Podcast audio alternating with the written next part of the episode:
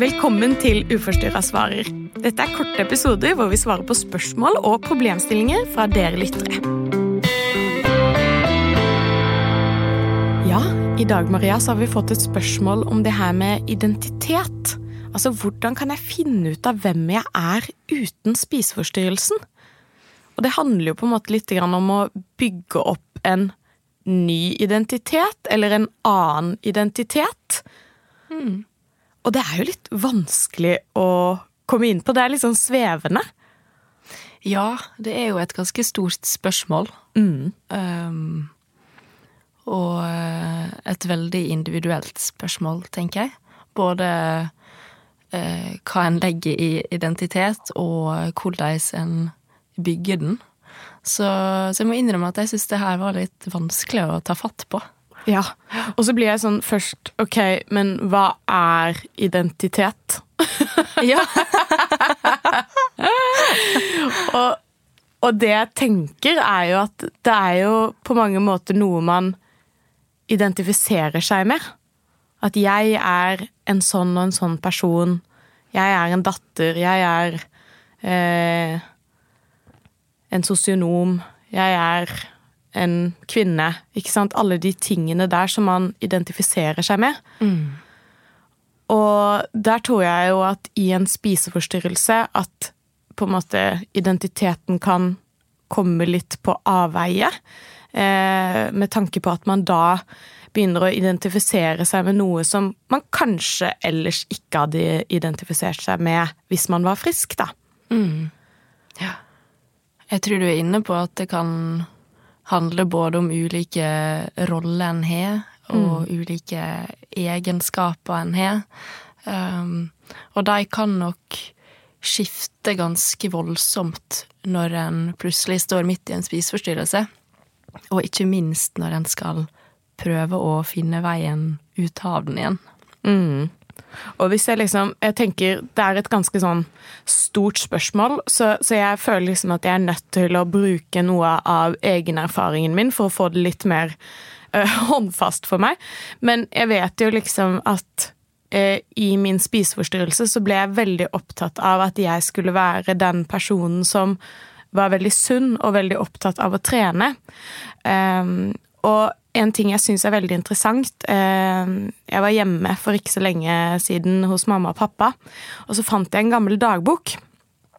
Og leste gjennom den dagboken, og så liksom at det var så tydelig at jeg, at jeg fomla liksom litt rundt med hvem skal jeg være, hva, hva, betyr jeg for noe? Eh, og at jeg hadde oppdaget at hvis jeg trente, sånn som min søster gjorde, så fikk jeg også oppmerksomhet. Og jeg ville være sånn som søstera mi. Jeg ville også være eh, den som fikk oppmerksomhet for at jeg var aktiv. Og sunn og frisk, ikke sant. Og jeg tar vare på meg selv. Jeg er sterk. Um, og på den måten så ble det en ting som jeg tenkte at det her Det vil jeg være. Og så ble det bare veldig, veldig stort for meg, og så begynte det å ta over. Og det er jo på mange måter en form for, når man er ung, å bygge en eller annen identitet, finne ut av hvem man er, og så plutselig så kan det kanskje bli til noe som ikke er så bra, da. Ja, for der tenker jeg du er inne på noe veldig sentralt, at, at det kan egentlig starte som et ganske sånn lite uskyldig prosjekt, eller kanskje noe egentlig veldig menneskelig, spesielt som unge, da. Og så baller det på seg, uten at en egentlig hadde tenkt at det skulle gå så langt. Um, og det er jo nettopp det du sier der, at plutselig har en forvilla seg ganske langt inn i en identitet som en kanskje i utgangspunktet ikke hadde planlagt, men så blir plutselig den det viktigste, eller kanskje det er veldig vanskelig å huske hva hva gjorde jeg før, egentlig, og, og hvem var jeg før? Hva andre egenskaper setter folk pris på med meg? Mm. Og det kan bli sånn utrolig stort skifte også. Fordi, eh, for jeg vet liksom Før spiseforstyrrelsen så var det liksom Ok, jeg likte å se på Hotell Cæsar, drikke te. Eh, og så var jeg glad i å gå på kunstskolen, ikke sant. Og så plutselig så skjedde det noe i takt med spiseforstyrrelsen.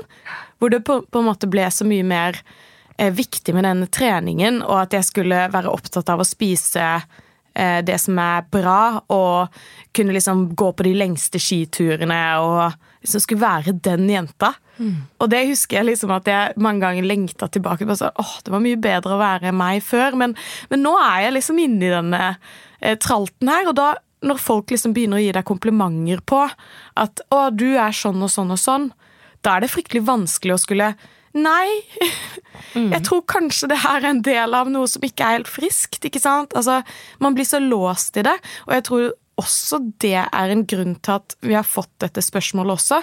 Fordi det er så vanskelig å løsrive seg fra eh, en identitet som kanskje er knytta opp mot spiseforstyrrelsen. Og at det er ja, det setter seg så voldsomt, da. Og spesielt hvis man har hatt en spiseforstyrrelse over mange, mange år, så er det noe som blir veldig meg. Mm. Og hva er ikke meg? Hvordan dele opp det her? Ja.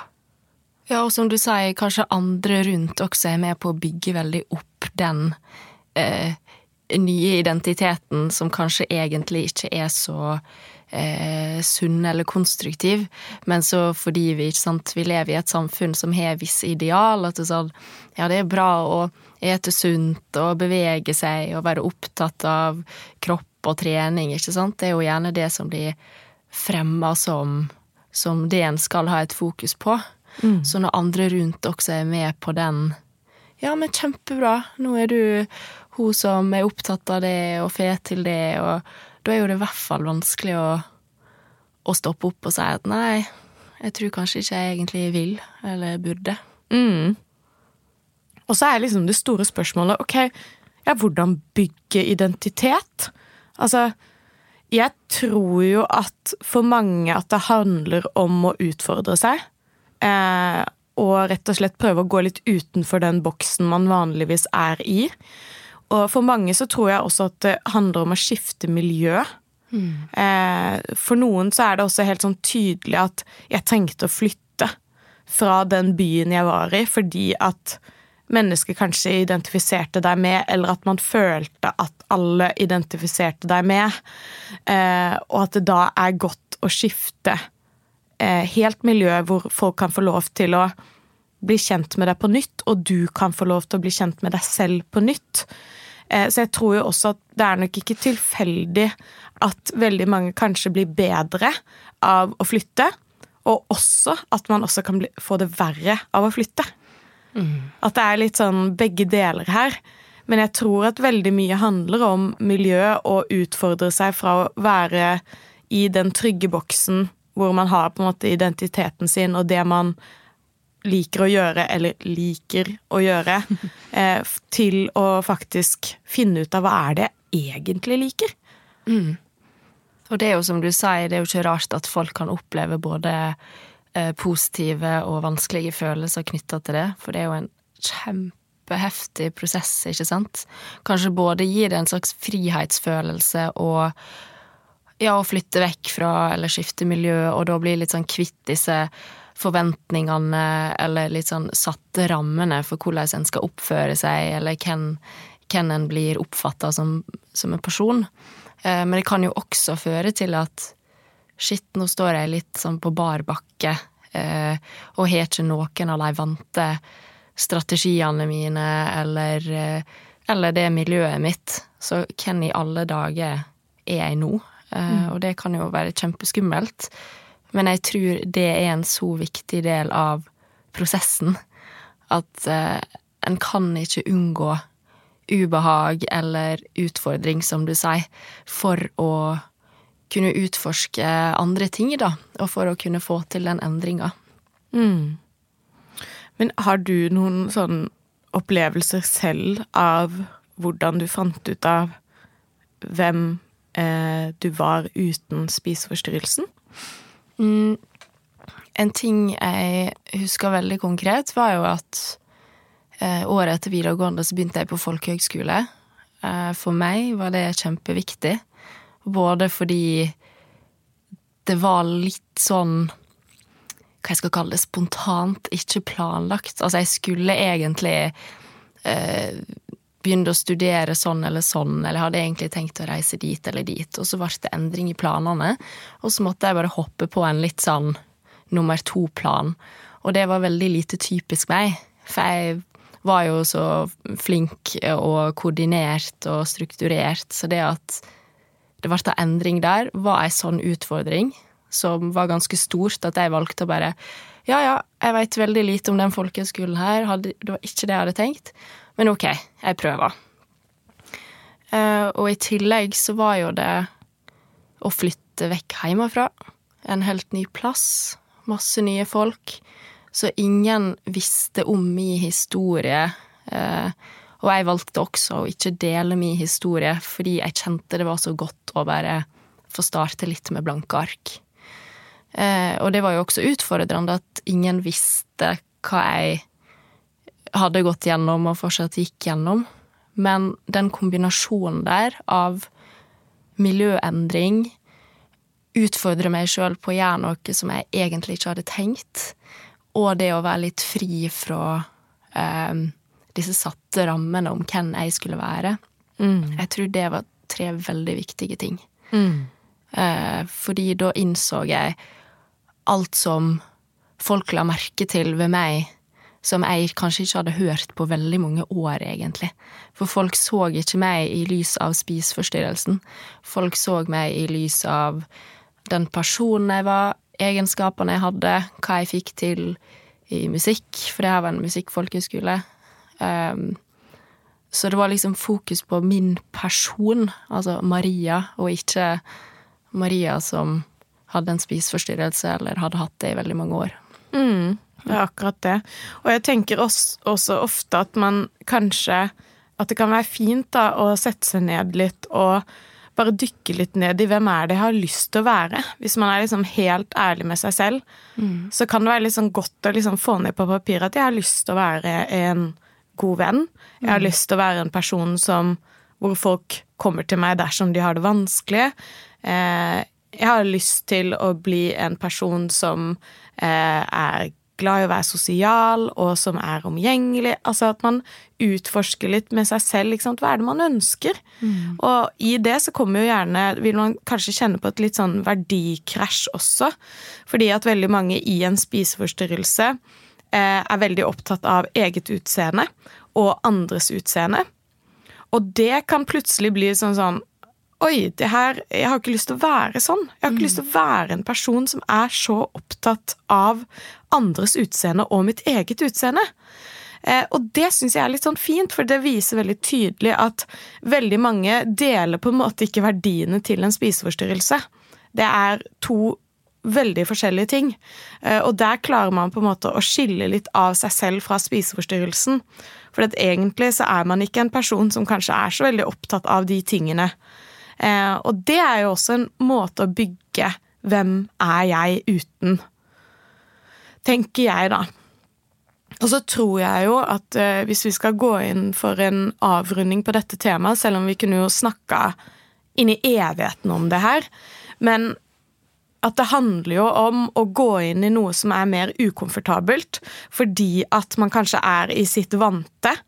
Det handler om kanskje å melde seg på et, eh, et kurs, eh, sykurs. Eh, kanskje handler det om å begynne å male. Kanskje handler det om å begynne på rideskole. Altså alle de tingene som kanskje er noe annet enn det man gjør fra før av. Mm. Det er viktig å gjøre.